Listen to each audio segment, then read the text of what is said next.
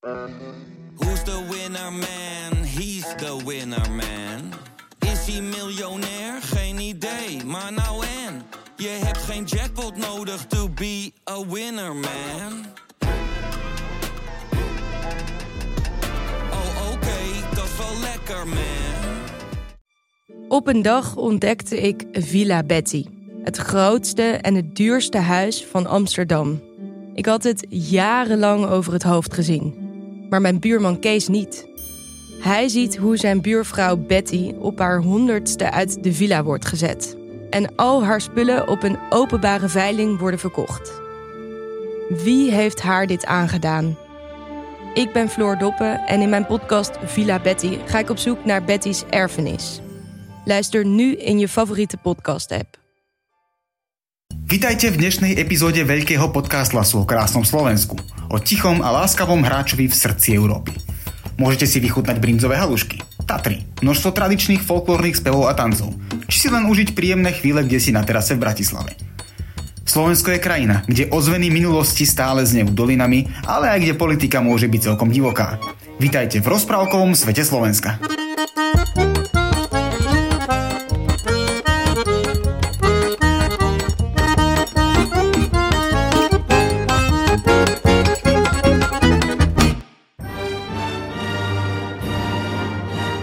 Zo klein, zo centraal, maar toch veroordeeld tot de eeuwige periferie van grotere rijken. Slowakije. Totdat ze in 1992 voor het eerst wat feller van zich afbeten.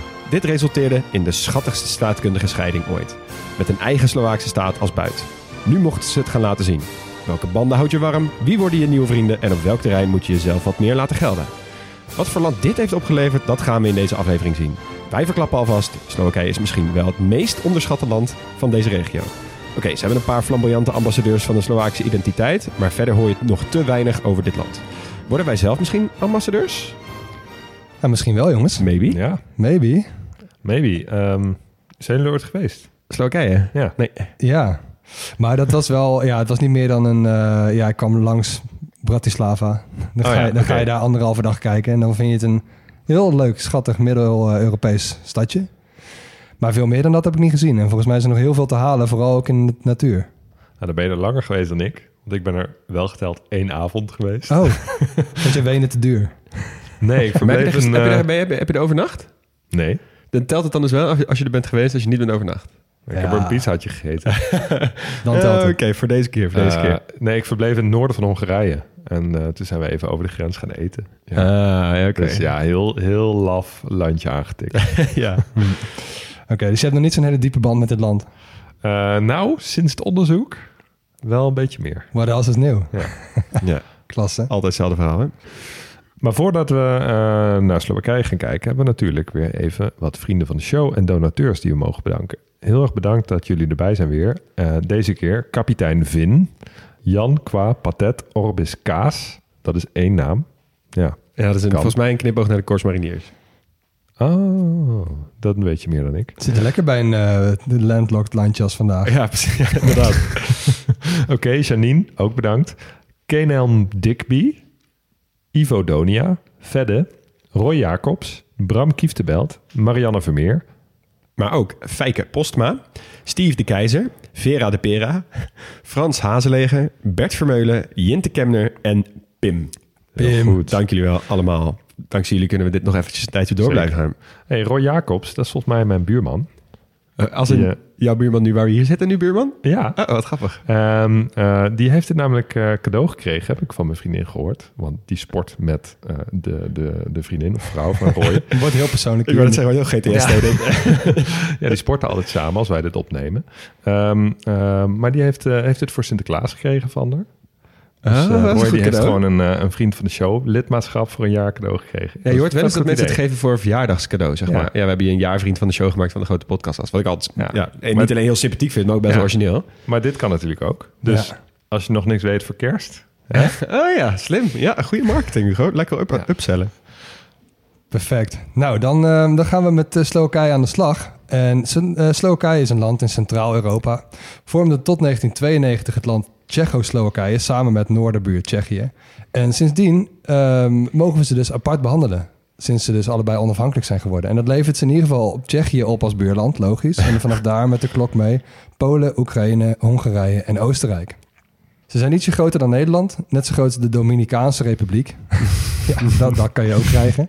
Dat is ook de enige overeenkomst met de Dominicaanse Republiek. Waarschijnlijk, waarschijnlijk.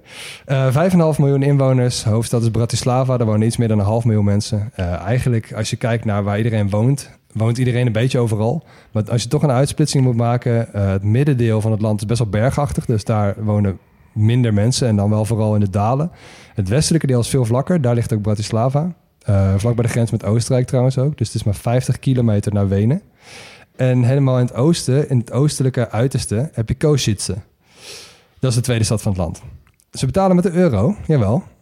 En qua religie vind je er ongeveer alle vormen van het christendom, maar 70% van de mensen is katholiek, dus dat is de grootste groep. De taal is Slovaaks en ja, die is verwant aan Tsjechisch. Eh, men kan dus elkaar ook wel verstaan. Ehm, de achternamen zijn Varga, Kovac, Kovaceva, Vargova en Nagy. Ah, oké. dus Ja. we hebben Varga, Vargova, Ja, dat zijn gewoon de vrouwelijke Kovac versies. en Kovaceva. Precies. Oh ja, oké. Dus vrouwelijk, mannelijk. Ja, oké. Ja. En de vlag is weer een vlag in de pan-Slavische kleuren. Dus wit, blauw en rood. Met een embleempje. Het is een oud gotisch schild. En daar staat op een patriarchaal kruis. Dus een kruis met twee horizontale strepen. En drie bergen. En die staan ook voor de drie gebergtes in het land. Wat vinden jullie hiervan, van deze vlag? Ja. Ehm, ja, eh, ik vind hem eh, een beetje Slo Slovenië. ja. Ze maken het ook, ook niet makkelijk, hè? En Nee. Dat ze zeg maar eh, vaak door elkaar worden gehaald in landen... dat ze dan ook nog vrijwel een identieke vlag hebben. Alleen Ja. hebben ze net een ander embleem. Ja, maar echt- drie bergen, zei je? Ja, en dat, hebben ze dat ook heeft gemeen. Slovenië dus ook. Precies, Ja, precies. Of althans, de Triglav met drie punten. Ja, dus als je niet zoveel met, met een ander land door elkaar gehaald wil worden... begin dan in ieder geval bij de vlag en bij de naam van het land. Dan komt het vaak wel goed. Ja. Ik zat wel te denken, als je dan toch een embleem wil toevoegen op je vlag, doe dan deze. Het is Ja? in dezelfde kleuren als Ja. de vlag. Dat is Ja, dat is waar. Het heeft Ja. een mooi wit randje eromheen. En hij is lekker simpel. ja. Ja. Ja. iedereen kan Ja, het dat is tekenen. Het is iets, even iets anders Ja. dan bij Belize bijvoorbeeld. Ja, inderdaad. nee, ruim voldoende, ruim voldoende. Eh, om nog even terug te komen op de gelijkenis met, met Slovenië, qua naam en qua vlag. In de eigen taal heet Slowakije dus Slovensko. Meen je niet. Ja, Ja, doe dit is en Slovenië heet in het Sloveens Slovenia. Dus Ja. Slovensko, dan denk je al helemaal van... We Dit zijn is een gewoon Slovenië. Ja. Ja. Dus het is definitief niet de schuld van de vertalers. Ze maken Nee, het nee, zelf nee, nog het is echt dik eigen schuld. Ja, ik heb dus ook nog ergens een keer gelezen, maar ik kon het niet verifiëren. Dat, het, eh, dat de ambassades van Slovenië en Slowakije één keer per maand met elkaar meeten ergens om post en ander- andere dingen uit te wisselen. Ja. Die verkeerd zijn gelabeld. Ja, nou, Ergens in. Oostenrijk of zo. Dat zegt genoeg. Ja, ja, precies.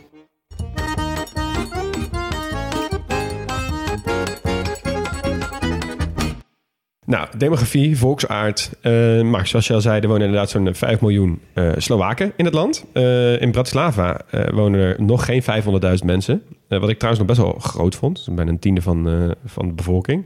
In die tweede stad dus wonen zo'n 250.000 mensen. En voor de rest hebben ze geen één plek met meer dan 100.000 inwoners. Hm, Dus veel, het is veel dorpjes. veel dorpjes, inderdaad. maar echt het zo goed verspreid ook over het land. Ehm, jij zei trouwens Bratislava dichtbij Wenen. Ja. Eh, maar ze, het is de enige hoofdstad ter wereld die grenst aan twee landen. Ja. Doe ermee wat je wil. Maar eh ze grenzen dus inderdaad ook aan Hongarije aan, aan, eh, in het zuiden. Zeg maar, de stadsgrenzen van Bratislava grenzen aan zowel Oostenrijk Ja. als Hongarije. Dus het drie landenpunt eigenlijk ligt in Bratislava. Ja. ja. Ja, Ja. nou goed. Daar kan je verder helemaal niet zoveel mee, maar dan weet je het in ieder geval. Eh, de Slowaken zijn een West-Slavisch volk. Volgens mij de eerste keer dat we ze behandelen. Eh, we hebben links en rechts nog wel eens ergens het over Slavische volkeren gehad. Eh, maar ik weet niet of wij ooit genoemd hebben dat van het Slavische volk ook het woord slaaf komt. Hm. Eh, Oh. Dus dat is geen toeval. En ik las ergens, want slaven met hoofdletter S werden slaven met de kleine letter S rond het begin van de 9e eeuw, toen het Heilige Roomse Rijk probeerde de Duits-Slavische grens te stabiliseren. Dus die hebben toen heel veel mensen gevangen genomen en ze tot slaaf gemaakt. En die noemden ze dan maar gewoon bij de, eh, bij de groep waar ze bij hoorden, voor het gemak. En dat woord is vervolgens overgenomen door, nou, door de Engelsen onder andere. eh, en die eh, hebben het natuurlijk over de rest van de wereld eh, verspreid. Ja. En daarom kennen wij nu slaves, slaven, als het is hetzelfde eigenlijk als het Slavische volk. Wow, dus het was ooit Hmm. een lot. Hè? Dat, dat, kwam, dat overkwam je. En toen werd dat gewoon de naam van je volk. Andersom. Dus het, waren, het, waren, het eerste was het, het Slavische volk was er. En die werden tot slaaf gemaakt Ja. door het Heilige Ja, Roomse. Rijk. En die noemden het gewoon naam. slaven, zeg maar. Ja, precies. Ja, dat zijn die slaven, zeg maar. Tuurlijk was het concept slaaf al daarvoor veel verder in de geschiedenis eh, groot. Maar dat, de naam komt dus hier vandaan. Oh, Dat is wel echt tof. Dat geeft het begrip tot slaaf gemaakt ook wel een hele, hele nieuwe, nieuwe dimensie ja, of zo. Ja, ja inderdaad. Ja. Ja. zo, dat is een goede om over na te denken. Eh, overigens betekent slaven, dus met hoofdletter S, eh, iets als de befaamde mensen. Dus slav betekent eh, iets als befaamd. Ja. Eh, dus die naam eindigt op, op mm, slav. Dat betekent dus ook befaamd om iets. Dus Stanislav betekent befaamd voor het weerstaan van vijanden. Eh, en Haviedoslav, dat is een hele bekende naam in eh, Slowakije, betekent iets als befaamd in de sterren. Oh, Ah, ja. Mi- Miroslav betekent befaamd om vreedzaamheid. Het zit ook in, eh, in Bratislava, hè? Slav. Brat, Brat betekent broeder en Slava, eh, glorie. Dus Befaamd, ja, ja, precies. Ja. Befaamd, oh ja. ja, grappig. Ja, Gloria inderdaad, befaamd, Ja, beroemd. in, die, in die strekking zit het Ja. inderdaad. Ja, ja interessant. Eh, wat ik ook interessant vond trouwens, is dat eh, de- de grootste minderheid niet de Tsjechen zijn. Dat dacht ik altijd, dat dat op een of andere manier, zeg maar... eh, Maar die hebben dat zo gewoon bij de, bij de statenverdeling... hebben ze inderdaad dat juist gewoon verdeeld. ja, De grootste minderheid, dat zijn de Hongaren. ja. En die zijn er al best wel veel ook. En die wonen ja, bijna allemaal zonder Ja. uitzondering aan de grens in het zuiden met Hongarije. Eh, maar die zijn daar dus wel echt ook nog best wel, eh, best wel aanwezig. Nou, ik denk Hmm. ongeveer zo'n 8% van de bevolking is dus Hongaars. Ja, ik wist het ook niet. Maar ik kreeg tijdens het onderzoek doen in mijn politiek stukje wel een donkerbruin vermoeden dat het zo was. Oh, ja? Ja. ja. Oké, dan ben ik heel benieuwd naar inderdaad waar dat vandaan komen. Eh, en dus inderdaad, wat ik dus leuk vind, Max zei inderdaad ook al tijdens het, eh, bij het paspoortje, is dat Tsjechen en Slowaken met elkaar kunnen praten in hun eigen taal en elkaar dus gewoon kunnen verstaan. Ja, ze zouden één land moeten gaan vormen. Ja, ja. ja, maar dat concept dat zagen we in Denemarken toch ook al. Dus die Denen en die Zweden, die kunnen ook met elkaar praten in hun eigen taal en dat, je, dat ze elkaar begrijpen. Ja, op basislevel, zeg maar. Ja, ja, zeker. Ja, ja absoluut. Eh, maar ik vind, dat, ja, ik vind dat best wel grappig. Maar die sowieso- Slowaken die gaan daar sowieso best wel lekker. Veel verstaan dus bijvoorbeeld ook Pools, Oekraïens en zelfs een beetje Russisch. Als het heel rustig en basis en, en langzaam is. Eh, dat zal natuurlijk heel erg verschillen per persoon. Maar ik zag wel inderdaad weer van die typische filmpjes... dat dan iemand rustig in het Slovaaks gaat praten... en dan zie je onderin zo vier van die kleinere poppetjes... waar daarnaast de vlag staat van diegene die die taal spreekt. En dan zie je ze zo reageren, moeten ze reageren als ze verstaan wat er gezegd wordt. Oh, ja. Ja, dit hebben we bij Malta gehad en dat hebben Ja. we bij Roemenië hebben we het ook gedaan. Ja, Dat ja. vind ik altijd mooie filmpjes. Precies, die Slowaken die kunnen dat best wel, die zijn er best wel goed in. Eh, wat betreft de volksaard, eh, die is natuurlijk, verwijst die heel veel naar het leven op het platteland. Denk, denk aan volksdansen, herders, mandenvlechten, borduren, dat soort shit, weet je wel. En eh, van die blije rood-witte kleurtjes en zo. Wat ik leuk vond, is dat ze het Mijava International Folklore Festival hebben. Dus dan hebben ze allemaal folklore van de hele wereld nodigen ze uit om te komen showen. Dus dan krijg je dus traditionele Shona-dans versus Mongoolse keelzang op de percussie van de Mapuche of zo. Weet je wel? Oh, Dat dus als jij daar een dagje bent, dan ga je dat ja, lijkt, me, lijkt me serieus best wel leuk, Ja, toch? Dan ga je een soort wereldtentoonstelling alleen dan in volkeren en volksaard. Ja, lijkt me best wel leuk. Het is een beetje het openluchtmuseum, maar dan in het groot voor allemaal volkeren en zo. Ja, en, eh, ja, precies. En wel gewoon echt wel, zeg maar, niet dat andere mensen het voor hen uitvoeren, maar dat het daadwerkelijk de folklore van die mensen die daar vandaan komen, naar Slowakije komen om dat uit te voeren. Eh, en eh, nog een ander leuk feitje waar je verder niet zoveel mee kan, maar het is toch eh, the most wonderful time of the year. Slovaakse kerstmis duurt drie dagen. Oh, 24 hebben zij erbij. 24, 25, 26. Dus eh zij krijgen de cadeautjes op de 24ste.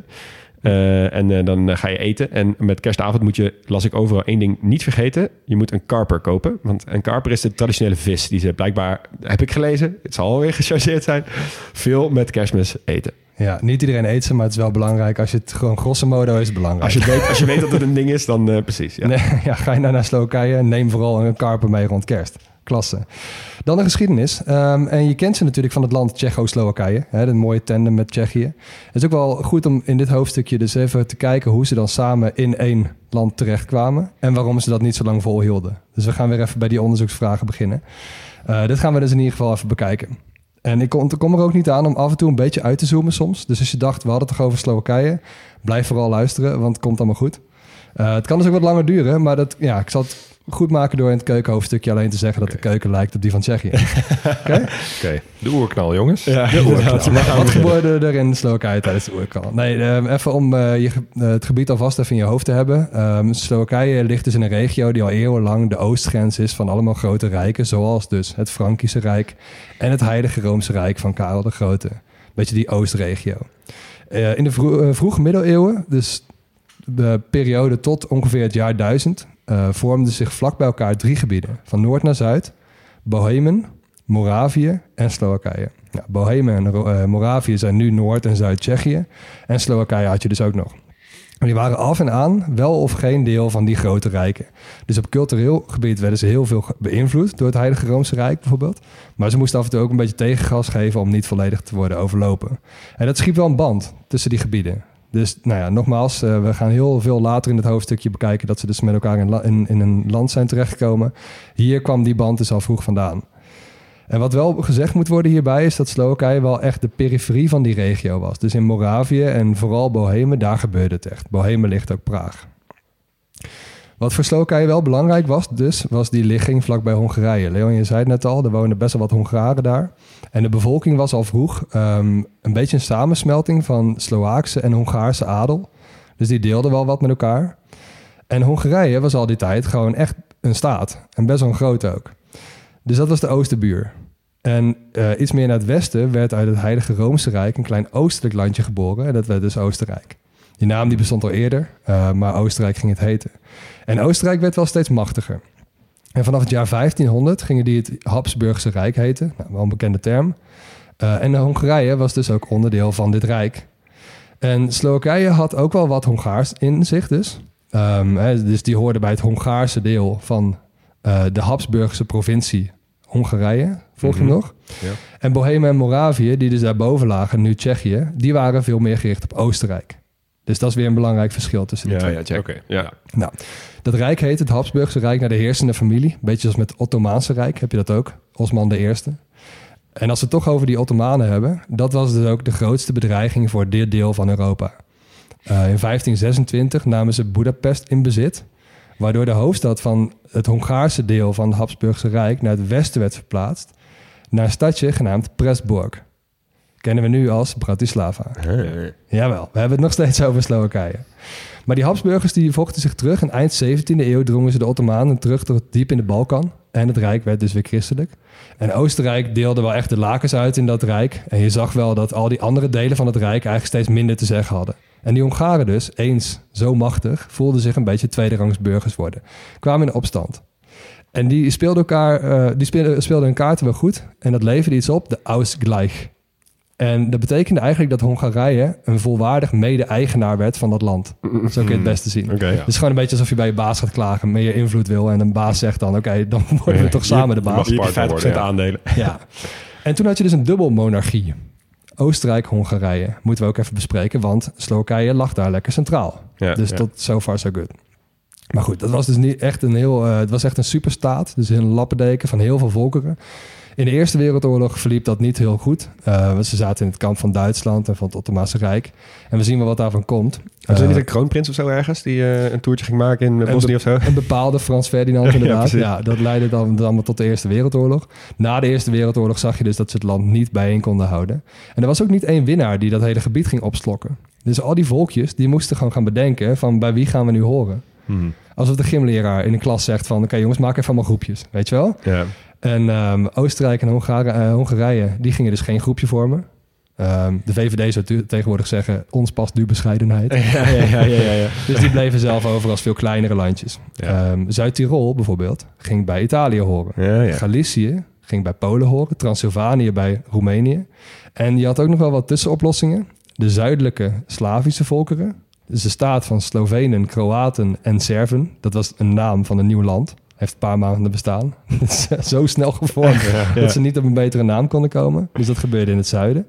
En de noordelijke tegenhanger werd Tsjecho- Tsjecho-Slowakije.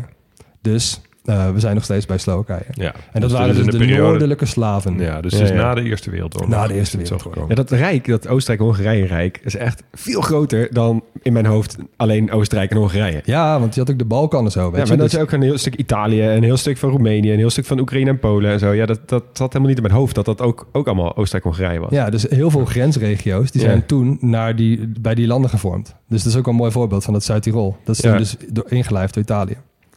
Nou, in de jaren daarna zullen we ook wel zien dat het niet echt een eenheidsstaat was, dat Tsjechoslowakije. Eh werd vooral duidelijk in de Tweede Wereldoorlog. Het Tsjechische deel stond het Sudetenland af, daar woonden heel veel Duitsers. En de rest werd bezet door Nazi-Duitsland. Eh, Slowakije koos al heel vroeg voor een andere weg. In 1938 verklaarde zij zich onafhankelijk onder leiding van Jozef Tiso. En zij werden dus ook gesteund door de nazi's. Hij was echt een collaborateur, dus Slowakije werd een bondgenoot van de nazi's. En het enige wat we dus over die Tiso kunnen zeggen... is dat hij zich pas begon te verzetten tegen de deportatie van de Joden... toen hij te weten kwam dat ze het niet aan het overleven waren. Hmm. Maar toch wel een samenwerker met de Duitsers. Maar, eh, ja, hoe zei je dat hij heet? Jozef? Jozef Tiso, ja, niet te Niet verwarren met... Tito. Die heet ook gewoon Jozef. Ja. Jozef Tito. En Tito, het scheelt maar één letter. Oké. Die Tweede Wereldoorlog, toen die was afgelopen, toen werd zijn lot wel duidelijk van die Tiso. Ehm, hij is dus ter dood veroordeeld. Maar veel Slowaken vinden dat nog steeds wel een te strenge straf. Dus veel mensen veroorde, eh, veroordelen hem wel dus voor het feit dat hij dus met die Duitsers heeft samengewerkt. Maar anderen zeggen ook wel dat hij nu een beetje martelaar is geworden. Omdat hij Mm. meteen opgehangen is naar de, de, de oorlog. Nou, eind Tweede Wereldoorlog eh, was Slowakije bezet hè, door het Rode Leger. Net als Bohemen en Moravië.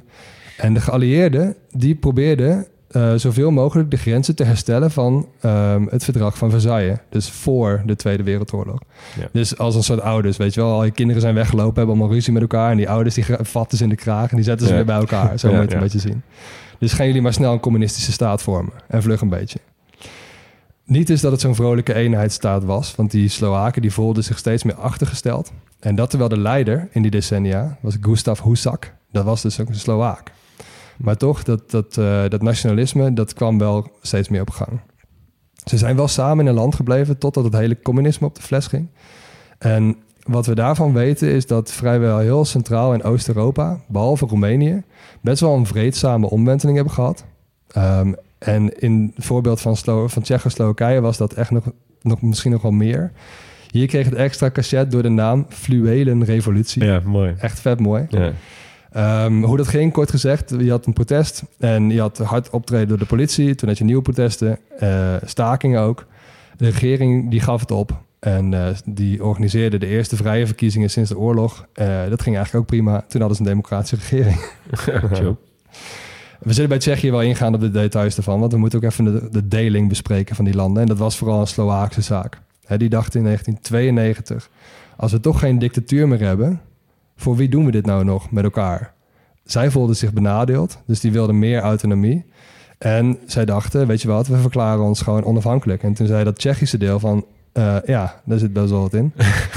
Doe maar. En toen waren het twee verschillende landen. Ja. Dus eigenlijk, de een maakt het uit en die andere zegt van... ja, we zijn samen uit elkaar gegaan.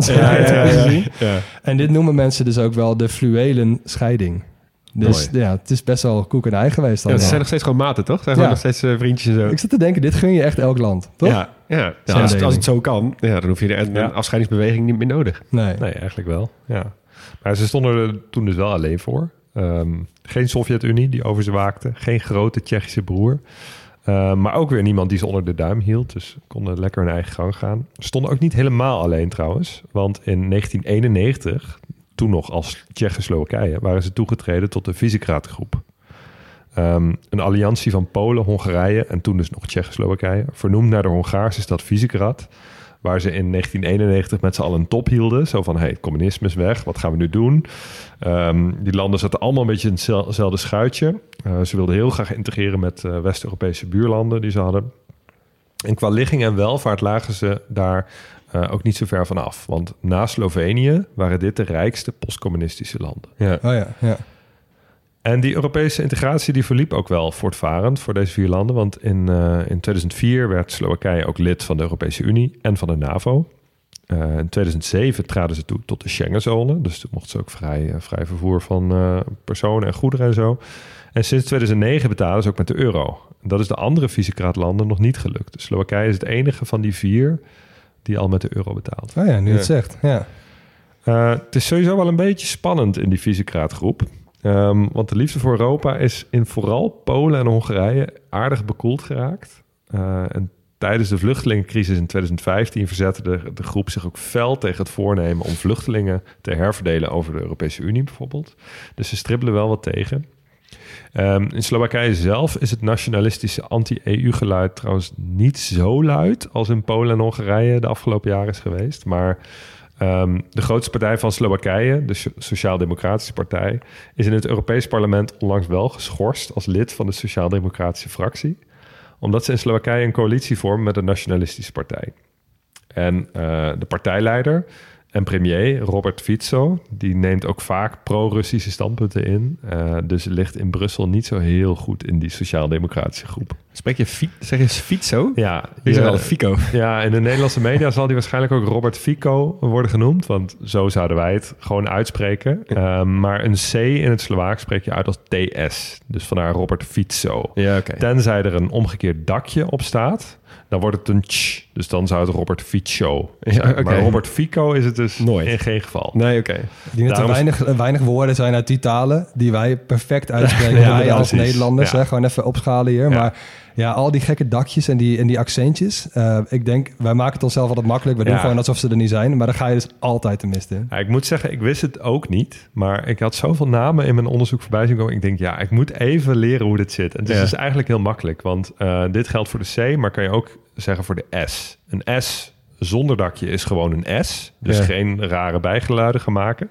Staat daar een omgekeerd dakje op, dan wordt het een sh. Ah, okay. Vandaar dat je dus ook zegt Koshitse. Want er staat een dakje op de S. Ja, ja. En uh, niks op de C, dus Koshitse. En niet zoals we in Nederland zouden zeggen, Kozitje. Ja, ja, dat heb je maar goed geleerd net. Ja. ja. goed. Terug naar uh, Robert Fico dus. um, in 2018 werden de gemoederen in Slowakije wel behoorlijk opgeschud. Want uh, toen werden namelijk um, de Slovaakse onderzoeksjournalist Jan Kuciak en zijn uh, verloofde in hun eigen huis doodgeschoten.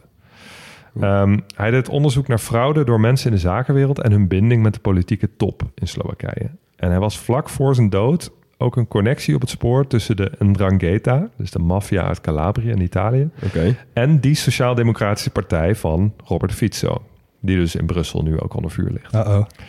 Um, na de moord werden er eerst een aantal Italianen gearresteerd, die lid zouden zijn van Ndrangheta, maar later bleek een Slovaak verantwoordelijk te zijn voor de moorden. Hij was gerecruiteerd door een eigenaar van een pizzeria, dus toch een Italiaanse connectie. De pizzabakker die had weer de opdracht van iemand anders gekregen. En uiteindelijk leidde het spoor naar Marian Kochner, uh, een zakenman, um, waar Kuciak over publiceerde. En in de rechtszaak werden alle betrokkenen in de keten, de schutter, de chauffeur, de pizzabakker en de tussenpersoon veroordeeld tot lange gevangenisstraffen, behalve Marian Kochner, oh. wegens gebrek aan, in, aan direct bewijs. Ja hoor. Gelukkig zit hij inmiddels wel vast voor witwassen en belastingontduiking. Um, en in het onderzoek naar de fraude van Kochner werden uh, ook mensen binnen justitie en politie veroordeeld voor corruptie. Maar de moord op Kuciak, uh, die kreeg ook nog een politiek staartje. Want Jan Kuciak die rapporteerde immers over banden tussen de maffia, de zakenwereld, de overheid en de politiek. Uh, dus er volgden massale pro, protesten en premier Robert Fico die moest ook aftreden. En zijn Sociaal-Democratische Partij die verloor in 2020 fors bij de verkiezingen ten gunste van de conservatieven, die heel fel campagne voerden tegen corruptie. Hmm. Maar in 2023, dus echt, uh, echt een paar maanden geleden waren die verkiezingen, werden de Sociaaldemocraten wel weer de grootste en begon Fico aan zijn derde termijn als premier. Dus de bevolking heeft het hem aardig vergeven ja. intussen. Hoewel de premier, uh, dus die Fico, de meeste macht in handen heeft, heeft Slowakije ook nog een president. Um, en dat is sinds 2019 Zuzana Chaputova uh, van de Progressieve Partij, momenteel de grootste oppositiepartij. Zij was 45 bij het begin van haar termijn, daarmee de jongste president die Slowakije ooit heeft gehad en de eerste vrouw. Ze is van huis uit advocaat en milieuactivist. Um, een beetje de Benedict Fiek dus eigenlijk van Slowakije. uh, als president doet ze heel veel tegen klimaatverandering. Ze heeft fossiele subsidies gestopt, maakt zich hard voor bescherming van de bossen in het land... en ze zet zich ook heel actief in voor de rechten van de LHBTIQ gemeenschap. Dus okay. um, lichtpuntje in de, in de ja, uh, rumoerige Slovaakse politiek van dit moment.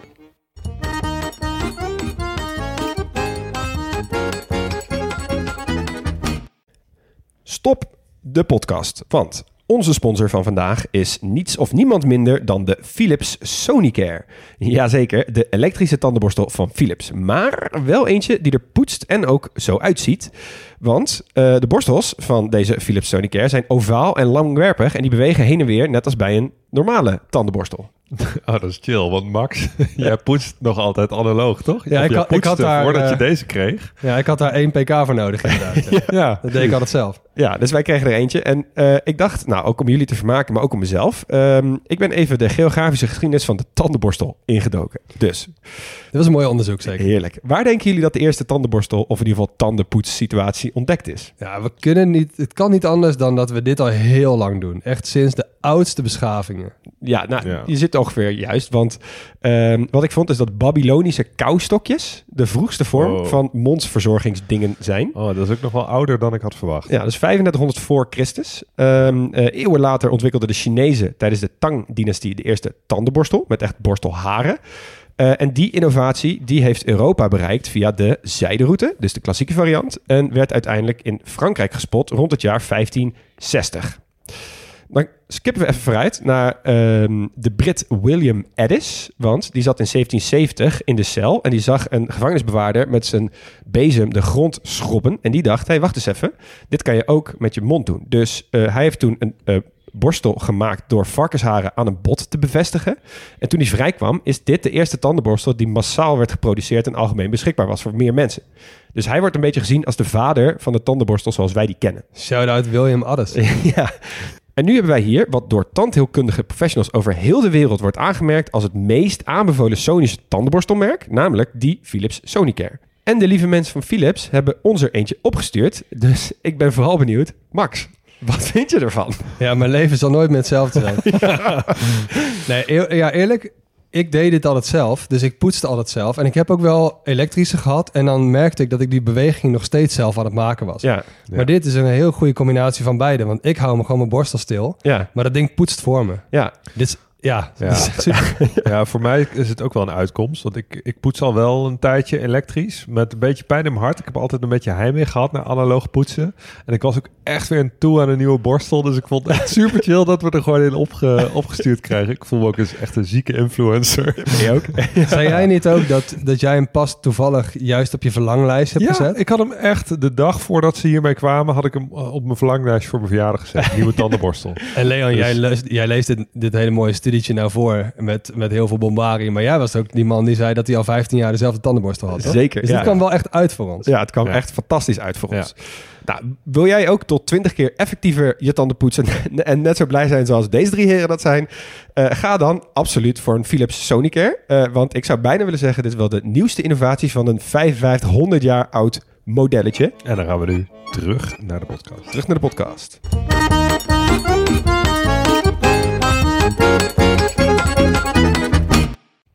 Stop de podcast. Je vakantiegeld komt eraan, dus het is tijd om jouw reis te boeken. En onze sponsor van vandaag heeft een dikke kortingscode. En die sponsor van vandaag is Sawadi, niemand minder. Dit is een reisorganisatie en vakanties zijn natuurlijk duur, dus dit aanbod is extra interessant deze tijd. Ik vind dat altijd een mooie organisatie, Sawadi. Ja, ja ik ook wel. En Ja. ze bieden verschillende soorten eh, groepsreizen aan.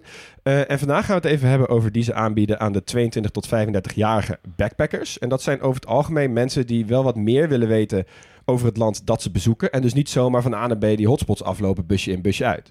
Ja, en het zijn ook mensen die het vaak leuk vinden in een groep eh, te reizen. En eh, die groepen die blijken ook heel snel vriendengroep te worden. Zowel tijdens de reis als daarna. Eh, mensen komen vaak nog heel, veel, heel vaak met elkaar terug, spreken af om te meeten en zo. En je kunt dus ook echt naar heel veel plekken op de wereld.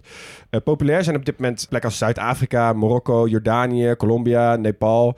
Eh, maar bijvoorbeeld ook plekken die normaal gesproken niet altijd makkelijk te bereizen zijn voor, ik zeg maar wat, alleen reizende vrouwen. En dat zijn dan bijvoorbeeld plekken als India. Ja, en ze werken natuurlijk samen met lokale organisaties, niet met de grotere hotelketens. Eh, ze eten bij locals, eh, lopen rond met mensen die heel veel kennis hebben over de lokale gang van zaken. En daar komt de kortingscode om de hoek kijken. Want als je nu een 22 tot 35ers reis boekt, krijg je 100 euro korting met de code TGP100.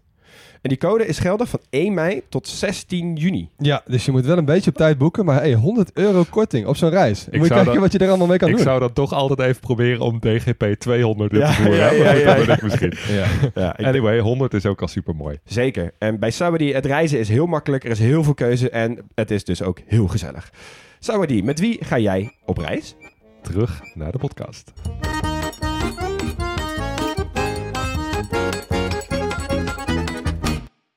Ja, dan de natuur van Slowakije. En eh, ik heb hier ook even moeten, eh, moeten kiezen hoor. Want er is verdacht veel voor zo'n klein landje qua natuur. Zo.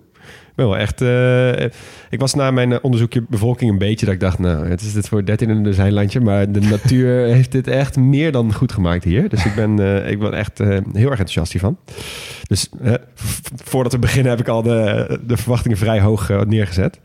Ik begin even bij de diertjes. Ehm, je hebt de drie van de, van de vijf Big Five van Europa, namelijk bruine beren, de wolf en de lynx. En die vind je eigenlijk vooral in de Tatra's. En daar gaan we meteen heen, naar de Tatra's. De Tatra is misschien wel een bekende term, bekende eh, naam voor veel mensen. Eh, het is een onderdeel van de Karpaten en bestaat eigenlijk uit vier verschillende delen. Je hebt de westelijke Tatra, de lage Tatra, de hoge Tatra en de witte Tatra. En dat zijn dus samen de Tatra's. Dus Ja. Tatra is gewoon zoiets als gebergte. Ja. Nou, die hoge Tatra, dat zijn echt die klassieke kale granieten eh, bergtoppen. En daarnaast zien we diepe ravijnen en de glasheldere meren. Die liggen ook op de grens met Polen. Hè? Ja. Dus waar Zakopane, zeg maar, dat is de Poolse kant van dat eh, verhaal. Ja, ja, ja precies. Ja. Eh, sowieso, het is, ze- ze zijn, heel veel van de Tatra's die liggen dus ook deels in andere landen. Het is niet dat het uiteraard allemaal alleen in Slowakije ligt. En die Karpaten sowieso niet natuurlijk. Ehm, maar bij de hoge Tatra heb je 25 toppen boven de 1500 meter. Nou, best oké. En die Galachkovski stilt is de hoogste berg met 1655 meter. Nou, best oké. Je hebt daar ook het grootste en diepste meer van Slowakije. eh, dat gemiddeld 270 dagen per jaar is dichtgevroren. Dat vind, Wow. dat vind ik best wel vet. Diepste, hè? Moet je nagaan. Dus het is dan vrij koud. Ja. Ja. Ehm, nou, daarnaast heb je de lage Tatra. Die vond ik persoonlijk wat minder interessant. Die zijn wat groener. Er zit wat meer eh, vegetatie, er zit wat meer biodiversiteit. Het is gewoon, Bergen lager zijn ze ook saaier, toch? ja, Minder grillig in ieder geval. Ja. ik. ja. ja, gewoon de vlakke Tatra, zo kan je het ook noemen. Ehm, eh, westelijke Tatra, dat is ook zo, dat wat ook deels in Polen ligt bijvoorbeeld. En daar zit het, dat is ook echt het wintersportgebied van, eh, van Slowakije. Eh, en dan heb je ook nog de witte Tatra, oftewel Belianske. Eh, dat heet zo omdat het voornamelijk uit kalksteen bestaat. En mensen mogen daar dus ook vrijwel niet heen om die natuur te behouden. Eh, en je hebt hier ook de enige grot in de Tatras waar je als gewone sterveling heen mag. Eh, waarom dat interessant is, dat kom ik later op, want de grotten zijn nog wel een ding hier. Eh, en wat ik ook heel grappig vind, is dat je naast de Tatra heb je ook de Vatra. en, je, en hebt daar dus de Tatra-Vatra-gordel. En we- de Vatra is ook een gebergte. Ook gebergte. Oh. Ja, Maak je het jezelf ook niet makkelijk. nee, maar dat is toch funny. Nee. Nou goed. Eh, en ze hebben een, eh, een eh, gekke steen, dat heet de Devil's Rock. Dat is blijkbaar een geologische zeldzaamheid. Dat is namelijk een vulkanische bom. Dus dat is gewoon een stuk steen wat ontploft is uit een uitbarsting. Die is ergens neergekomen, die is afgeplat. En die lijkt nu, als je een- foto daarvan ziet, alsof die gewoon tentoongesteld staat. Alsof die op zo'n heel klein sokkeltje staat. En daarbovenop staat zo'n bam, zo'n rots. En dat ding noemen ze dan de, eh, de, de Devil's Rock. Hoeveel Devil's Rocks zouden er zijn in de ik wereld? Denk, ik denk ook dat er drie plekken in Amerika zijn die Devil's Rock heet in Arkansas. of Zo, ja, ongetwijfeld. dat zijn dan gewoon stadjes van 70.000 mensen. ja. ja. Eh, eh, goed. En je hebt hier ook nog een, eh, een stenen waterval. Dat is niet een echte waterval natuurlijk. Natuurlijk niet. Maar het is gewoon weer van die basaltzuilen. Die we ook zagen in Noord-Ierland. Gekke Leon. Maar niet... Had ik het bijna gedacht. hè. Bijna. Maar dat is gewoon een 9 meter hoge stenen waterval. Dus superleuk. Maar ehm, de, de kerst op de taart van het hele natuur, eh, natuuronderzoekje... dat zijn toch die grotten. Want weinig landen zijn gezegend met zo'n groot volume aan grotten ter wereld. Dat is natuurlijk moeilijk om een vergelijking te maken. Maar je hebt hier echt mokerveel grotten. Ruim 7500 zijn er bekend. Waarvan er zo'n eh, meer dan, iets meer dan 20 echt bezocht kunnen worden. Eh, en er zijn er maar 400 echt ontdekt. Dus ze weten wel dat er heel veel grotten zijn. Dus meer dan 7000 Ja. grotten weten dat ze er zijn, maar die zijn niet ontdekt. Dus eh, Slowakije is eigenlijk gewoon een soort spons of zo. Als je het Ja. door zou snijden. Ja, ja, ja, eigenlijk wel. Slowakije, je hebt gewoon een normaal Slowakije, dat is bovengrond. En je hebt toch een soort plus Slowakije, Slowakije, dat ligt blijkbaar onder de grond. Want wat daar allemaal zou kunnen leven en bestaan, I don't know. Maar dit vind ik altijd wel lijp aan grotten. Ik, had- ik, ik had het heel erg het gevoel toen ik, ik was in Vietnam ooit. En daar liggen dus ook van die grotten. Die zijn ook echt gigantisch. En daar hoorde je elke keer van, ja, deze is gevonden, ontdekt in 2009. Ja, Toen dacht ik echt van, wow, als je een grotontdekker bent, dan heb je wel echt wel veel werk te Ja, gaan. als je er zijn ook zoveel nog niet bekend. Dat vind ik dan wel echt tof. Ja, als je zo'n Elon Musk bent, je, je pompt miljarden in een, in een raket die dan de ruimte in wil schieten omdat je daar dingen wil gaan ontdekken. Ga gewoon naar Slowakije. Daar heb je nog veel meer op te ontdekken en het kost je waarschijnlijk minder geld. Ja. Moet je wel wat Het lijkt waarschijnlijk... me wel echt een klote baan trouwens, speleoloog. Dat is mij 100% niet bij. Nee. Nee, ik heb ook eh, wat dat betreft lichte vormen van nou, verschillende soorten fobieën, zodat hij niet in kleine ruimtes onder de grond kan zijn. Maar, Maar, het zijn ook vaak gewoon boertjes hè, die die dingen ontdekken. Die dan gewoon Ja, met hun, hun vee aan het grazen zijn en dan verdwijnt er zo'n geitje. En dan, en dan, gaat, hij, dat door en de dan gaat hij kijken en dan is daar dus gewoon echt een super grote grot. Ja, nou goed, inderdaad. Wat, wat voor grot heb je dan? Je hebt bijvoorbeeld de grotten van Achterlek Karst en Slovaakse Karst. Nou, Karst, Slovenië besproken, dus eh, eh, ga daarheen. Ehm, eh, eigenlijk gewoon kort, heel kort door de bocht. Karst is gewoon een soort kalksteen in water, waardoor er gaten komen. Nou, prima. Als je echt de, de duidelijke uitleg wil, dan moet je naar, maar naar Slovenië gaan. Ik zie je gewoon bedenkelijk kijken, maar bij deze geaccepteerd. Ehm, die, die grotten van de Achterlek Karst en Slovaakse Karst is een complex van duizend grotten over 55.000 hectare. Dus dat is groter dan de grootste Nederlandse gemeente qua oppervlakte. Wat is de grootste Nederlandse gemeente qua oppervlakte? Eh Zuidwest-Friesland? Goed zo, Max. Het is ook net zo groot als twee keer Tuvalu. Oh, hey. Ja, dat is best wel, best wel huge. En die grotten liggen dus ook deels in, in Hongarije. Maar die zijn dus echt, dat is echt superveel. Dat is een heel groot complex met meer dan duizend grotten. Ehm, ik kwam nog wat andere specifieke speciale grotten tegen. Namelijk de Argoniet-grot. Die schijnt heel zeldzaam te zijn. Want er zijn maar drie Argoniet-grotten ter wereld. Nou, argoniet komt, is een, is een eh, soort witte glimmende steen, een mineraal. Ontdekt in, Niet in Argon. ja, eh, wel in Argon, Oh, in Spanje. oké. Ja, en daar naar vernoemd. Eh, binnen die grot heb je een zogenaamde melkwegzaal. Dus dan sta je binnen en dan kan je omhoog kijken... en dan zie je dus al die witte glimmende steentjes. Nou, vandaar de bijnaam melkwegzaal. Toen maakte ik een kleine fout. Toen ging ik namelijk opzoeken waar, eh, waar argo niet goed voor is. Ehm, ik heb veel verschillende websites gevonden. Ik heb eentje even gekopieerd voor jullie. Komt-ie. Deze steen kan iemand helpen die worstelt met geduld. Vooral als hij last heeft van overprikkeling of overgevoeligheid. Witte aragoniet is een van de weinige stenen die het kruinchakra met het wortelchakra verbinden. Waardoor het de unieke eigenschap heeft om je spiritueel geaard te houden. Dus je hebt er eentje voor ons meegenomen. Als Ik heb hier voor jullie een witte aragoniet. Dan zeg ik, ik moet dit hebben. ja, dus als jij je wortelchakra graag wil verbinden met je kruinchakra, ga helemaal voor aragoniet. Ehm, daarnaast heb je een eh, ijsgrot. En die is wel echt, die is wel echt awesome. De Dobshina ijsgrot. Eh, er ligt daar zoveel ijs dat je 40 zwembaden van Olympisch formaat mee kunt vullen. 3,5 miljoen kubieke meter ijs. Met, eh, met specifieke diktes van soms wel 26,5 meter ijs in, in die grot. Ja, ik vind dat eh, die plaatjes die je daarvan ziet, dat is echt een eh, echt alsof je in Antarctica bent of zo. Het is allemaal heel hoog in de bergen dan of zo. Want, kan... Ik moet eerlijk zeggen dat ik niet heb opgezocht waar deze grotten dan precies zijn. Ehm, maar je kan er wel van uitgaan dat als er zoveel ijs in zit, Ja. dat het... Ja, of- Lijkt die ijsgrotten en ook al dat meer dat eh drie kwart Ja. jaar bevroren is. Ja. Klinkt een beetje als iets waar James Bond een film in gaat opnemen, die ijsgrot. ja, moet je wel eens even wat mensen omkopen. Want volgens mij, is, ja, je mag er wel heen. Je kan er heen als toerist, zeg maar, bijvoorbeeld. Maar ja, het is niet echt de bedoeling dat je daar nou heel veel gaat rondstampen, volgens mij. Nee. Ja, in ieder geval geen James Bond film. In ieder geval geen James Bond film. Nee. Ehm, je hebt ook daar de hoogste sinterzeil. Een sinter is dat er verschillende soorten ge- gesteentes zo zijn verwarmd... dat ze samen klonteren in bijvoorbeeld een zeil. Dus een si- sinter is dus dat, dus dat je verschillende soorten stenen hebt. En een sinterzeil is dus dan, nou, dan heb je dus dat. Prima. Die sinterzeil is 32,6 meter hoog. En staat ook in de Guinness World Book of Records. Guinness Book of World Records. Dat lijkt, vind ik dan toch zo'n fantastische baan. Dat je dan eerst moet uitdokteren wat een Slowakije is. Dat je dan moet uitdokteren wat een sinterzeil is. En dat je dan met je donderdij mag gaan vliegen om te gaan meten dat dat inderdaad de hoogste sinterzeil is. Ja, het is een beetje zoals wij ons onderzoek ook doen. Vind je ergens een hoge zeil en dan denk je, oeh, zou die misschien de hoogste zijn ter wereld? Ja, ja, maar dat is het echt. 99 van de 100 keer is dat dan niet zo. Nee, Nee, maar staat hij als, wel, in China. als het wel zo is, dan mag je hem wel lekker eh, een stempeltje geven. Precies. Ja, en eh, toen ging ik nog even wat verder zoeken. En dit is tenslotte het laatste hoofdstukje. Vind ik- Dit vind ik echt fantastisch. Je hebt namelijk in deze grotten heb je speleotherapie. Oh, En dat is dus therapie van eh, de grot dus eigenlijk. Het is een therapie waarbij de mineraalrijke lucht van verschillende soorten nou, hè, plekken waar heel veel mineralen zijn, zoals bijvoorbeeld een zoutmijn of andere plekken, eh, wordt ingeademd veel, zodat eh, van beademingskwaaltjes en luchtweginfecties weghalen. Er is niet heel veel onderzoek naar gedaan of het ook echt zo is, maar ja, zout en mineralen en zo zijn niet per se slecht voor je. En ik heb je dat plaatje gestuurd van Ja. eh, in een grot. Zie je dus gewoon 15 bedden liggen met mensen die er in zo'n bed in een grot liggen.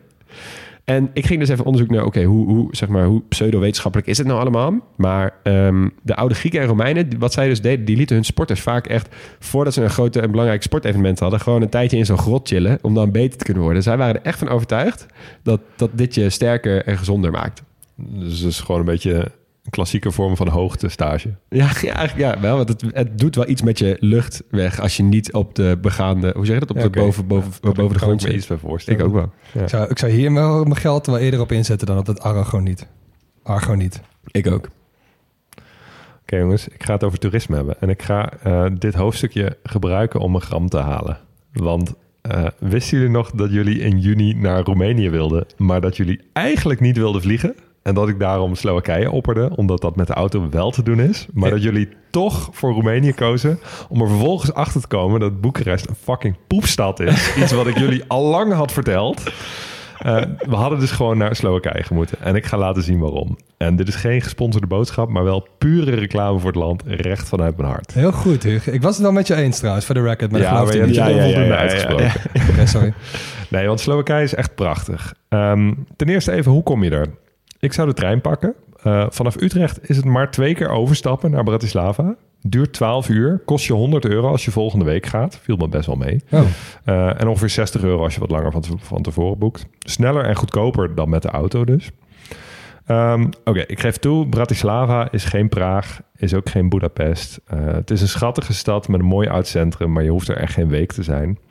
Het ligt aan de Donau in het westen van het land dus, op de grens met Oostenrijk en Hongarije, zoals uh, Leon al zei. Ehm, de stad is misschien vernoemd naar een krijger uit de 9e eeuw, misschien naar een hertog uit de 11e eeuw, of dus misschien gewoon een samensmelting van de Slovaakse woorden brat en slava, broeder, glorie. Ehm, maar lange tijd kende men de stad dus vooral onder de Duitse naam Pressburg. Dus de voormalige hoofdstad van Hongarije, heb ik net van Max geleerd. Als je vanuit Bratislava naar het oosten gaat, ehm, of vooral naar het noordoosten eigenlijk, dan kom je dus al tamelijk snel de Tatra terecht. Eh, het meest noordwestelijke deel van de Karpaten. Nou, daar heeft Leon al genoeg over verteld. Je kan daar in ieder seizoen terecht om te skiën of te wandelen. Net zo mooi als de Alpen, maar je kan er slapen, eten en drinken en skipassen kopen voor Oost-Europese prijzen. Top dus. Eh, in die Tatra's geldt ook een heleboel cultureel erf- erfgoed. Ehm, er staan bijvoorbeeld een heleboel klassieke houten kerken. In het dorp Vlukolinec heeft de tijd echt stilgestaan. Er staan 40 houten huizen die nog helemaal intact zijn. Het dorp heeft geen moderne uitbreidingen, dus echt eh, terecht eh, lid van de Werelderfgoedlijst. Ehm, iets verder naar het oosten ligt Rad, ehm, bovenop een berg. Dat is een van de grootste kasteelcomplexen van Europa.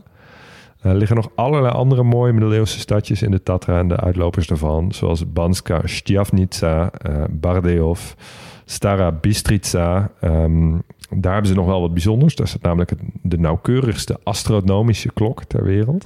Oh ja. Dat is dus zo'n ding waar je eh, de stand van de hemellichamen op kan aflezen. Ik Staat vond ook dat altijd vet.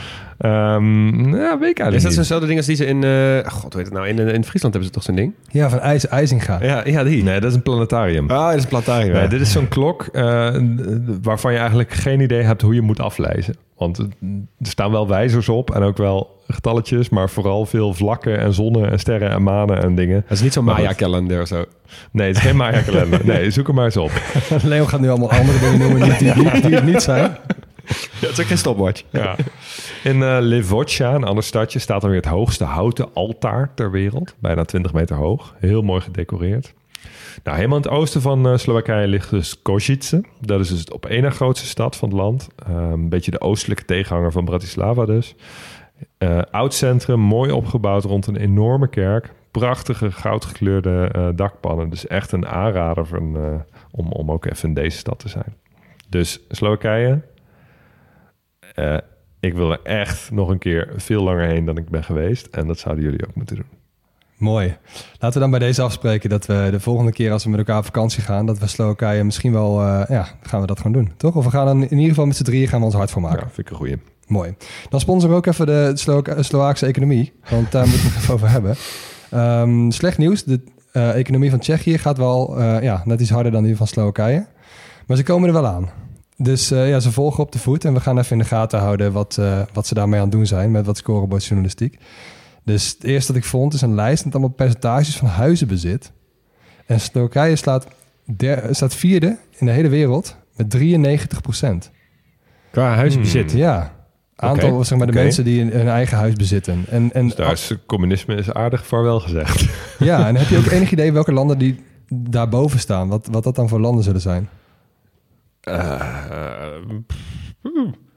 Weet ik eigenlijk niet. Zou, zou dat het golfstaatje kunnen zijn waar je een huis krijgt van de staat? Ik denk Caribische landen. Nee, we hebben ze allemaal al gehad. Kazachstan, Roemenië en Laos. Wat? Dus de eerste 13 in die lijst, dat zijn allemaal communistische of ex-communistische landen. Hoe kan dat dan? Uh, is dat als, op het moment dat de communistische staat eh, klaar was, dat ze gewoon die huizen hebben gegeven aan die mensen of zo? Hoe werkt Ja, dat? of in ieder geval goedkoop verkocht hebben of zo. Ja. Of heel snel ervan af. Ik heb, ik Hmm. heb geen idee. Maar ik zat wel even te kijken van waar vinden we Nederland dan? En dat is iets van 70% of zo. Dat is rond het EU-gemiddelde. Ja. Hm. Nou, Oké. Trouwens, lang niet alle landen staan in die lijst. Maar ja, goed, whatever. Ehm, het geeft in ieder geval een beeld.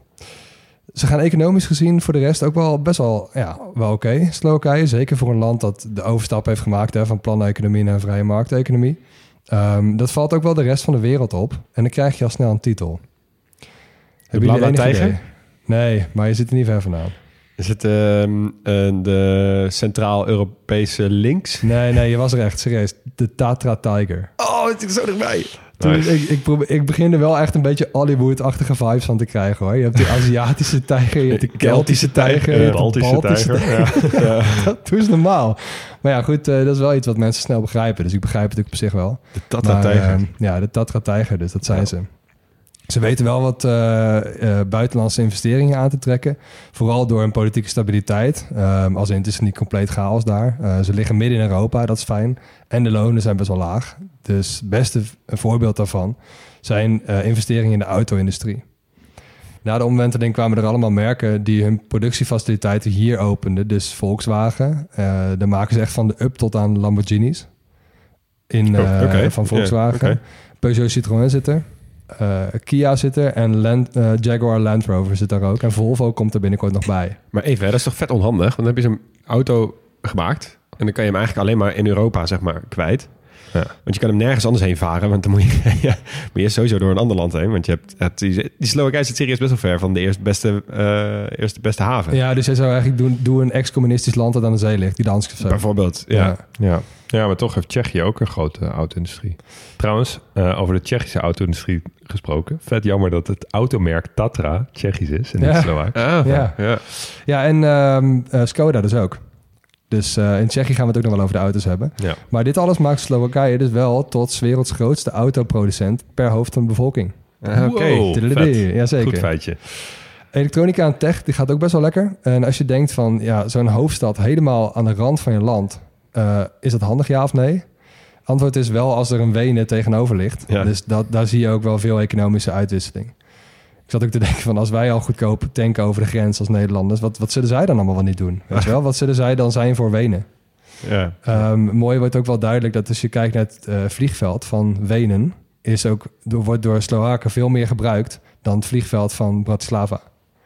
Ja, Ja, veel best beter verbonden. Ja. ja, en volgens mij ook als je met Ryanair of zo naar Wenen vliegt, dan vlieg je ook op Bratislava. Want die gebruiken juist weer het vliegveld van Bratislava. Oh ja, dat is ook echt insane. Dit vliegt Ja. van een ander land. Ja, Ja, dat is wat Bergamo voor Milaan is, maar dan ga je Ja, wel nog precies. een landsgrens over. Ja. Ja.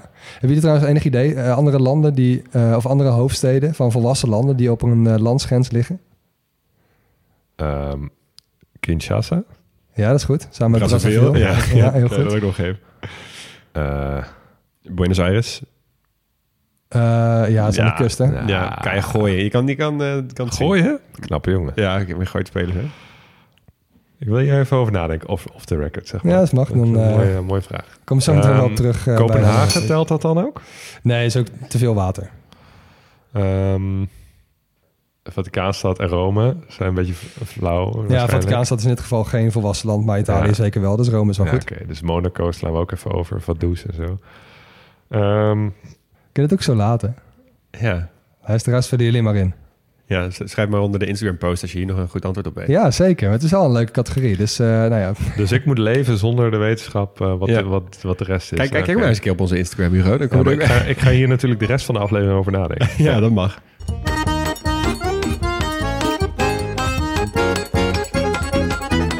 Nou, Hoofdstukje kunst, cultuur en eh, het leidende voorwerp Slowakije.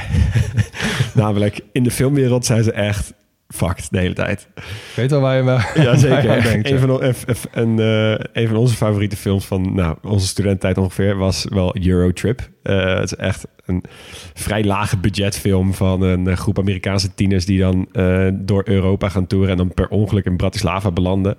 Maar waarbij ze dan eh, heel weinig geld hebben en erachter komen dat je met heel weinig geld een bizar, excentriek en dure nacht kunt hebben en heel veel geld kunt uitgeven en zo. Omdat dat zeg maar, ja, dat is met een kleine verwijzing van jou. Bratislava ligt in Slowakije. En Slowakije is een super arm gierland waar je helemaal niks mee kan, zeg maar. Ja, dit was typisch zo'n film die in de jaren zero's wel nog gemaakt kon worden en nu gelukkig niet meer. Ja, maar, die, ja. ja. die scènes ook dat ze in Nederland zijn, dat is zo overduidelijk niet in Nederland opgenomen. Dat is gewoon echt, echt, nou, tenen comment. Geen flauw idee waar jullie dat over hebben. Nee, dat is al zo vaker bij de film, langs meegegaan. Maar, Ik voel me wel blij dat ik een keer meedeel. ja, inderdaad. maar het is Ja. niet echt de haute cultuur dit. Maar ja. Nee, nee, dat is zeker waar.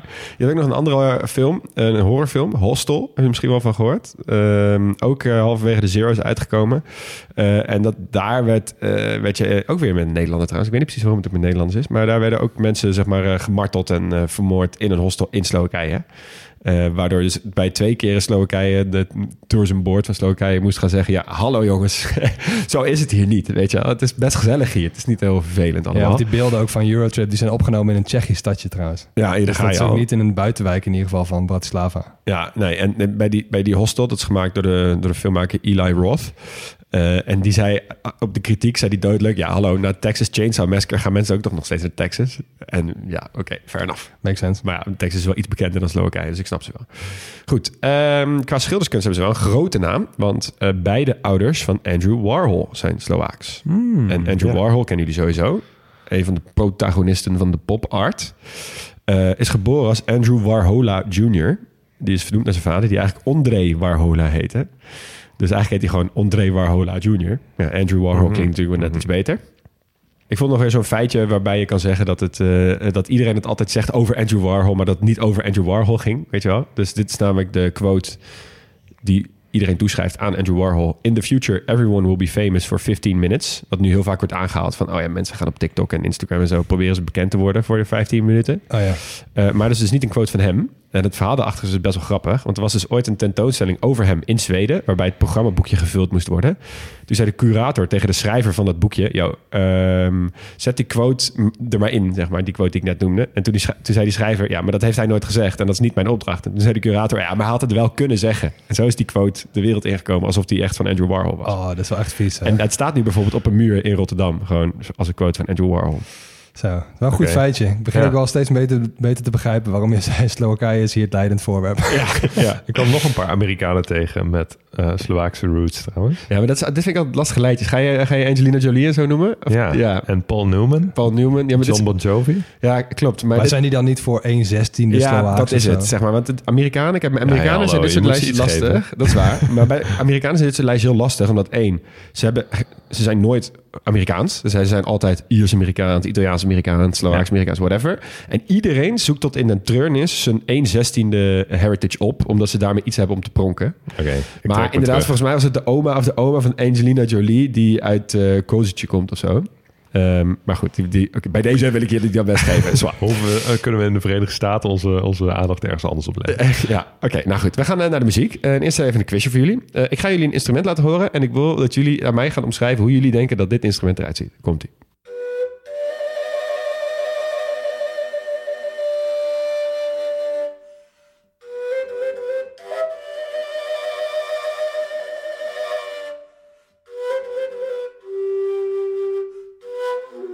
Ik eh, zie een soort fluit voor me. Een soort buisachtig... eh, Ja, dit is echt een soort van, eh, misschien een stalen panfluit of zo.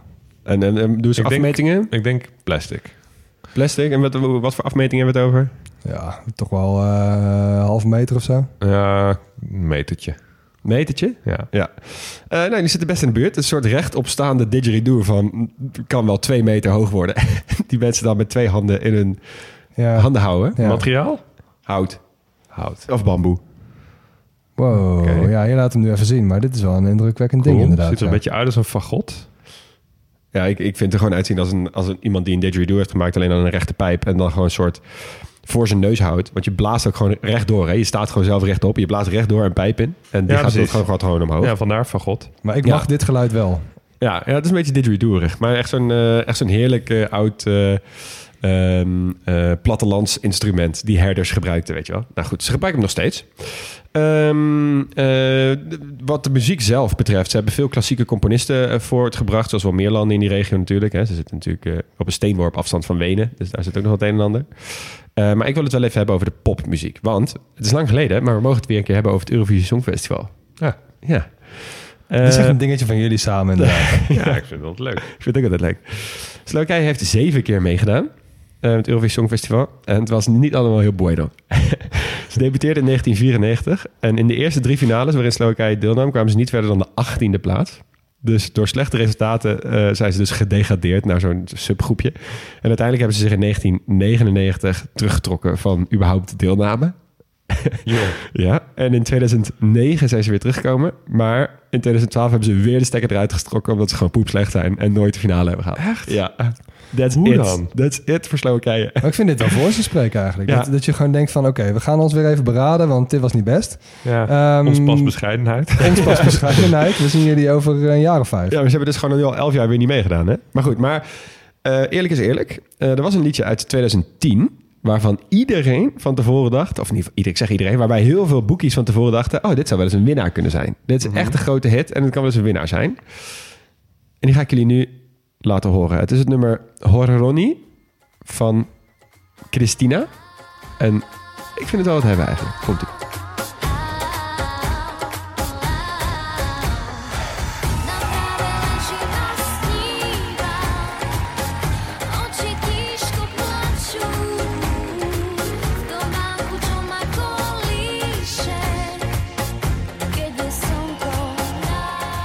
Sowieso in je eigen taal zingen. Altijd goed. Altijd goed. Ja. Catchy refrein wel.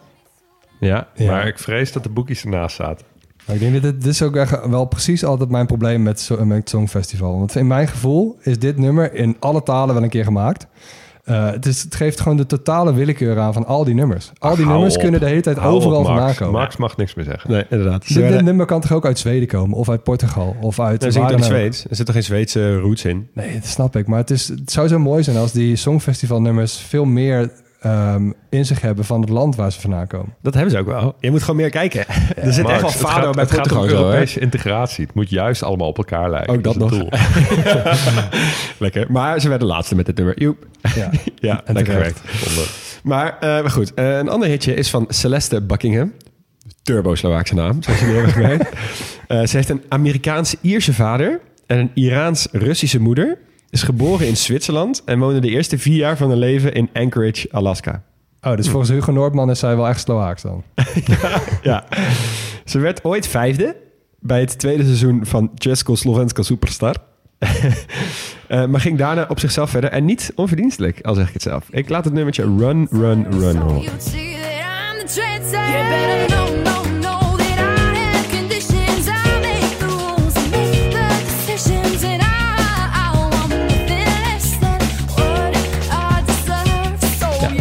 Catchy. Ja, dit is zeker leuk. Een heel klein drumbeestje deze niet kunnen afvaardigen.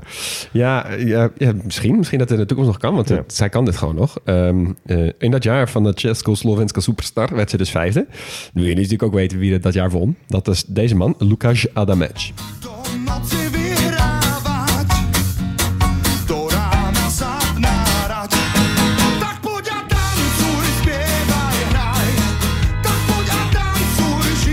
Klinkt een beetje als eh, Disco Disco Partizani. Het is een beetje Balkan beat. Ja, een beetje wel. Hey, misschien kunnen we Tatra beats munten, die term. Is Ja. die, zou die bestaan? Ik hoop het. Nou, bij deze.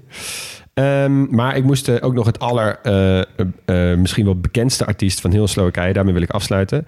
Ehm, nou, als je het hebt over 80s, en als je het hebt over echt een fantastische, heerlijke 80s sound, dan heb je in Slowakije echt wel, ben je aan het goede adres bij Maria Gombitova. Dit is het nummer Colosseum.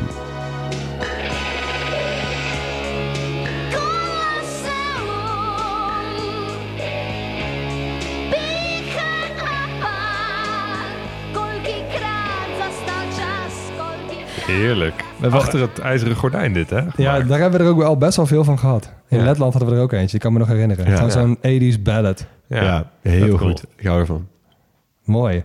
Dan eh, gaan we de keuken even doen. En ja, ik had gezegd, dat lijkt hij op Tsjechië, maar een beetje flauw. Ehm, het, is, ja, het is best wel een prima keuken. Het is echt zo'n keuken waar je het warm van krijgt. Zo'n gevoel had ik er een beetje van. Dus gevullende gerechten, stoofpotjes, veel vlees, veel deeg. Eh, ze hebben ook een nationaal gerecht en dat illustreert het misschien wel goed. Brinjove halushki. Eh, ja, ik werd er meteen wel blij van. Het is een soort gnocchi met daarop een saus van gesmolten schapenkaas. Dus je bord is een beetje een wit heuveltjeslandschap, zo moet je het een beetje zien. Een soort Tatra. ja, maar dan wel iets minder, eh, minder grillig. Ehm, en de liefhebbers die zeggen dat het wel het lekkerst is met een wat eh, uitgebakken spekjes erop. Zelf weten. Eh, maar de aandacht is gewekt. Want die, diezelfde brinza kaas, die gebruiken ze dus ook als vulling voor hun pierogi. Dus de Poolse ravioli. Dus deegpakketjes met dus schapenkaas erin. En die combinatie van koolhydraten met zuivel, die is wel echt geliefd bij veel Slowaken. Dus ze maken bijvoorbeeld ook pasta met huttekees en spekjes. Dus dat is eigenlijk precies hetzelfde als dat eh, gerecht met die schapenkaas, die gnocchi. Maar dit is een beetje de, de lijn waarop ze zitten, weet je wel. Eh, zoetigheden zijn vooral cakes, eh, gestoomde van die buns en koekjes. Vaak wel met Centraal-Europese gerechten of ingrediënten als dingen als maanzaad en zo. Daar koken ze veel mee. Ja. Ze drinken ook wel kofola. Dat is de, de Tsjecho-Slowaakse variant van cola. Kogola? Kofola Oh, bevat 30% minder suiker en 50% meer cafeïne. Dus het is wel voor de geoefende trucker, zeg maar.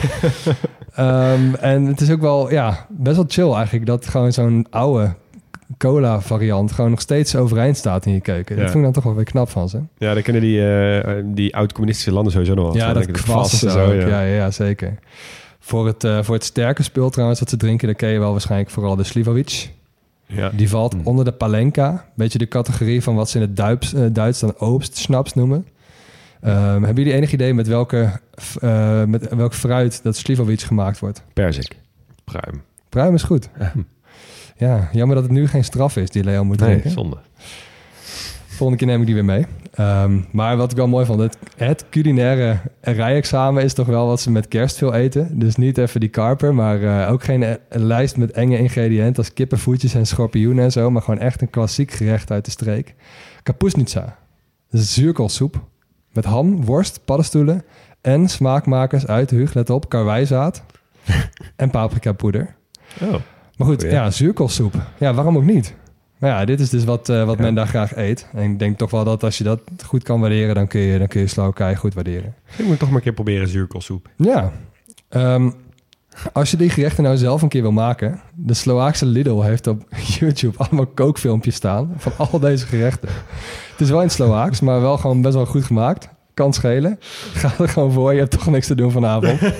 Ga gewoon maken. Wat vet. Oké. Tip je wel op de website? Jazeker. Oké, goed, goed, goed. Oké, dan eh, afsluiten met sport. Hoeveel Olympische medailles denken jullie? Eh, ja, ze doen natuurlijk niet zo lang mee nog. Of tel je Tsjechoslowakije ook mee als... eh, nee, nee, alleen Slowakije zelf. En in totaal, niet alleen goud. Ik denk 25. Hmm, 20. Veel biathlon.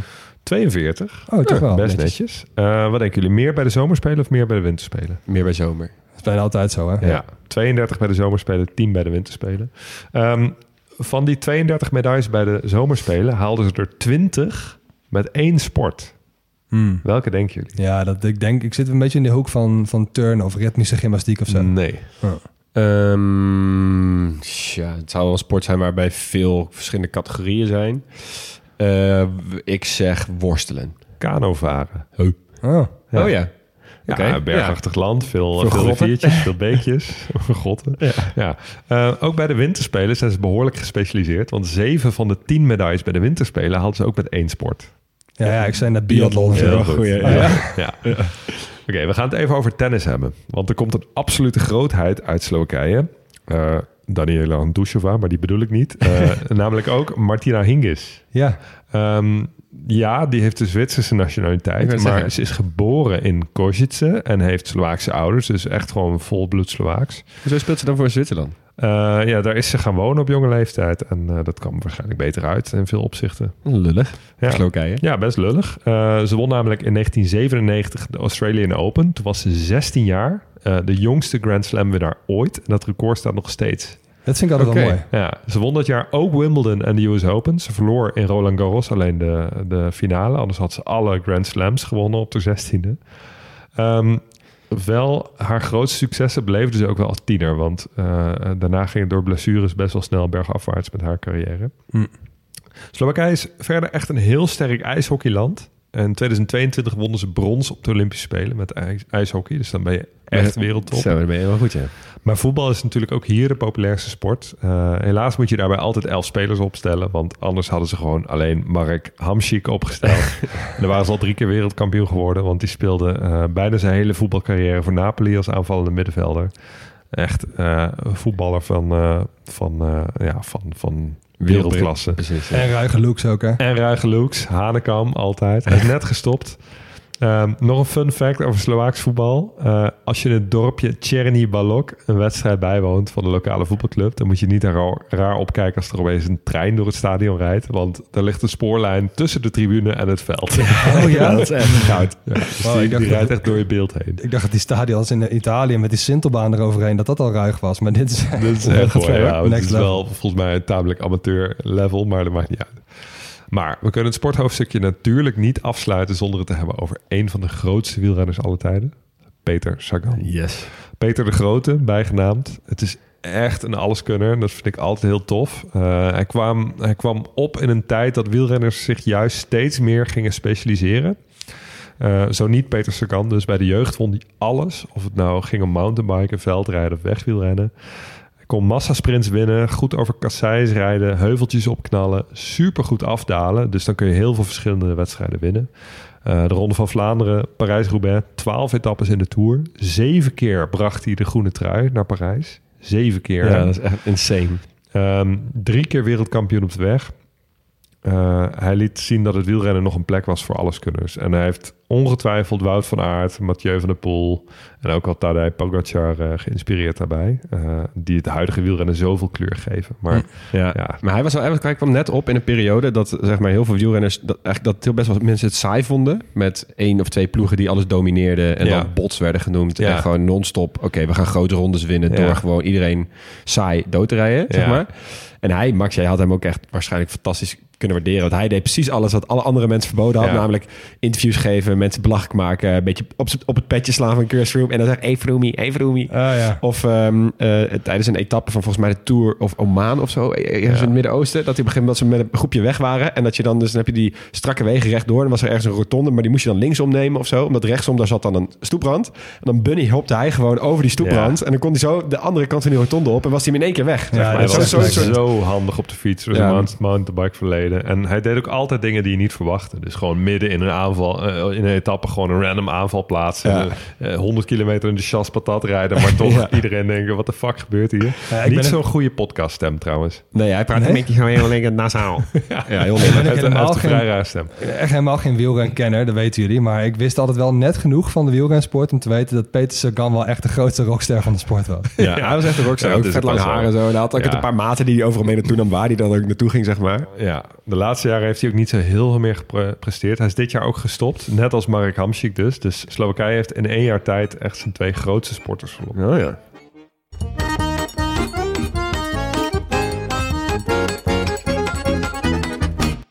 Nou jongens, Slowakije. Wat eh, maakt dit land uniek? Ehm, ik denk toch wel eh, de ligging eh, op het kruispunt van beschaving... met Bratislava natuurlijk in het bijzonder... wat echt letterlijk op dat kruispunt ligt... Ja. tussen de Slavische wereld, eh, de, de, ja, de Oostenrijkse, Duitsstalige wereld, zeg maar... en de Hongaarse wereld. Wat natuurlijk drie totaal verschillende culturen zijn. Ja, als je een kruis door Europa trekt, dan kom je vrijwel eigenlijk altijd door Slowakije heen. Ja, Ja, het is ook een, eh, een, een stad die ehm, ineens heel erg van zijn westerbuur gescheiden is. Toen ook tijdens de Koude Oorlog. ja. Dus ehm IJzeren Gordijn ging ook dwars daar doorheen. Dus dan heb je steden die altijd best wel veel met elkaar te maken gehad hebben. Wenen en, Br- en Bratislava. Die lijken Ja. ook wel een beetje op elkaar, gewoon fysiek. En ineens krijgen die zo'n compleet tegengestelde manier van, van bestuur. ja. Dat is wel echt lijp.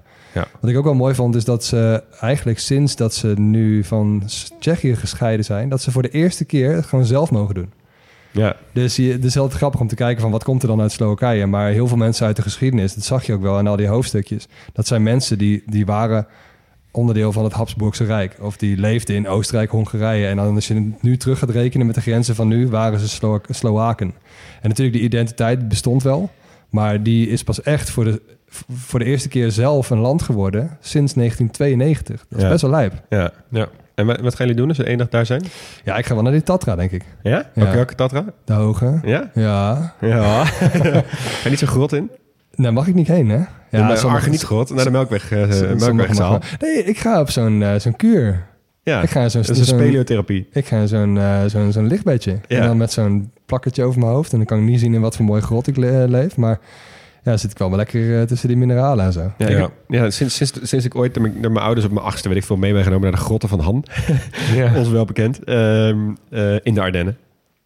Ehm, ben ik wel, heb, zeg maar, heb ik nooit meer echt een grot bezocht. Moet ik heel eerlijk zeggen. Het is niet iets wat ik doe als ik ergens op reis ben op vakantie. Dus ja, voor Slowakije, weet je zo, als er een land is met grotten, dan is het deze wel. Dus dat ga ik, Ja. eh, ik ga wel absoluut even een grottentour doen. Geen zo'n stalagmietje afbreken. ja. Ik ga ook wel naar de bergen, maar ik ben ook wel juist benieuwd naar de dorpjes in die regio's. Want het is nou niet echt economisch kerngebied van Europa. Eh, dus ik verwacht dat je daar echt gewoon op, op heel veel plekken de tijd kan zien stilstaan. Ja, dat dorp wat jij op een gegeven moment noemde, Ja. dat dat echt zo'n dorpje is dat nooit uitgebreid is. En daar Ja. kun je echt nog zien hoe het was in 1800 of zo. Ja, daar heb je er echt nog veel van. En ja, het is natuurlijk ook een, ook een gebied wat heel lang... Ja, het is, het is echt continentaal. Ja. Het ligt heel ver van de zee. Dus dat, dat doet ook altijd wel iets met de geschiedenis... en met, eh, met de manier van handel drijven. Dus ik ben, ben ook wel benieuwd naar het culturele verleden van die bergregio. Ja, het is ook wel echt lijp dat het gewoon midden in al die machtige rijken lag. Maar dus altijd wel perifeer is geweest. Ja, ja, dat is inderdaad wel grappig. Ja. Ja. Ja. Dat kan lezen. Nou jongens, eh, we hebben de belofte al gemaakt. We gaan een keer naartoe. Heel erg bedankt dat je luisterde naar dit hoofdstuk van de grote podcastlas. Je hoorde Leel Moelens, Max Gerts en Hugo Noordman en Jonas van Impe. Die doet voor ons weer de eindmontage. Nooit volledig, wel origineel, geen experts en wel liefhebbers. Als we iets verkeerd gezegd hebben, laat het vooral even weten via Twitter of Instagram op @grotepodcastlas of op de mail info@grotepodcastlas.nl en kijk natuurlijk op de website om even alles na te lezen. En volgende week reizen we weer door en dan bezoeken we een heel ander land, namelijk Mozambique. Zboom.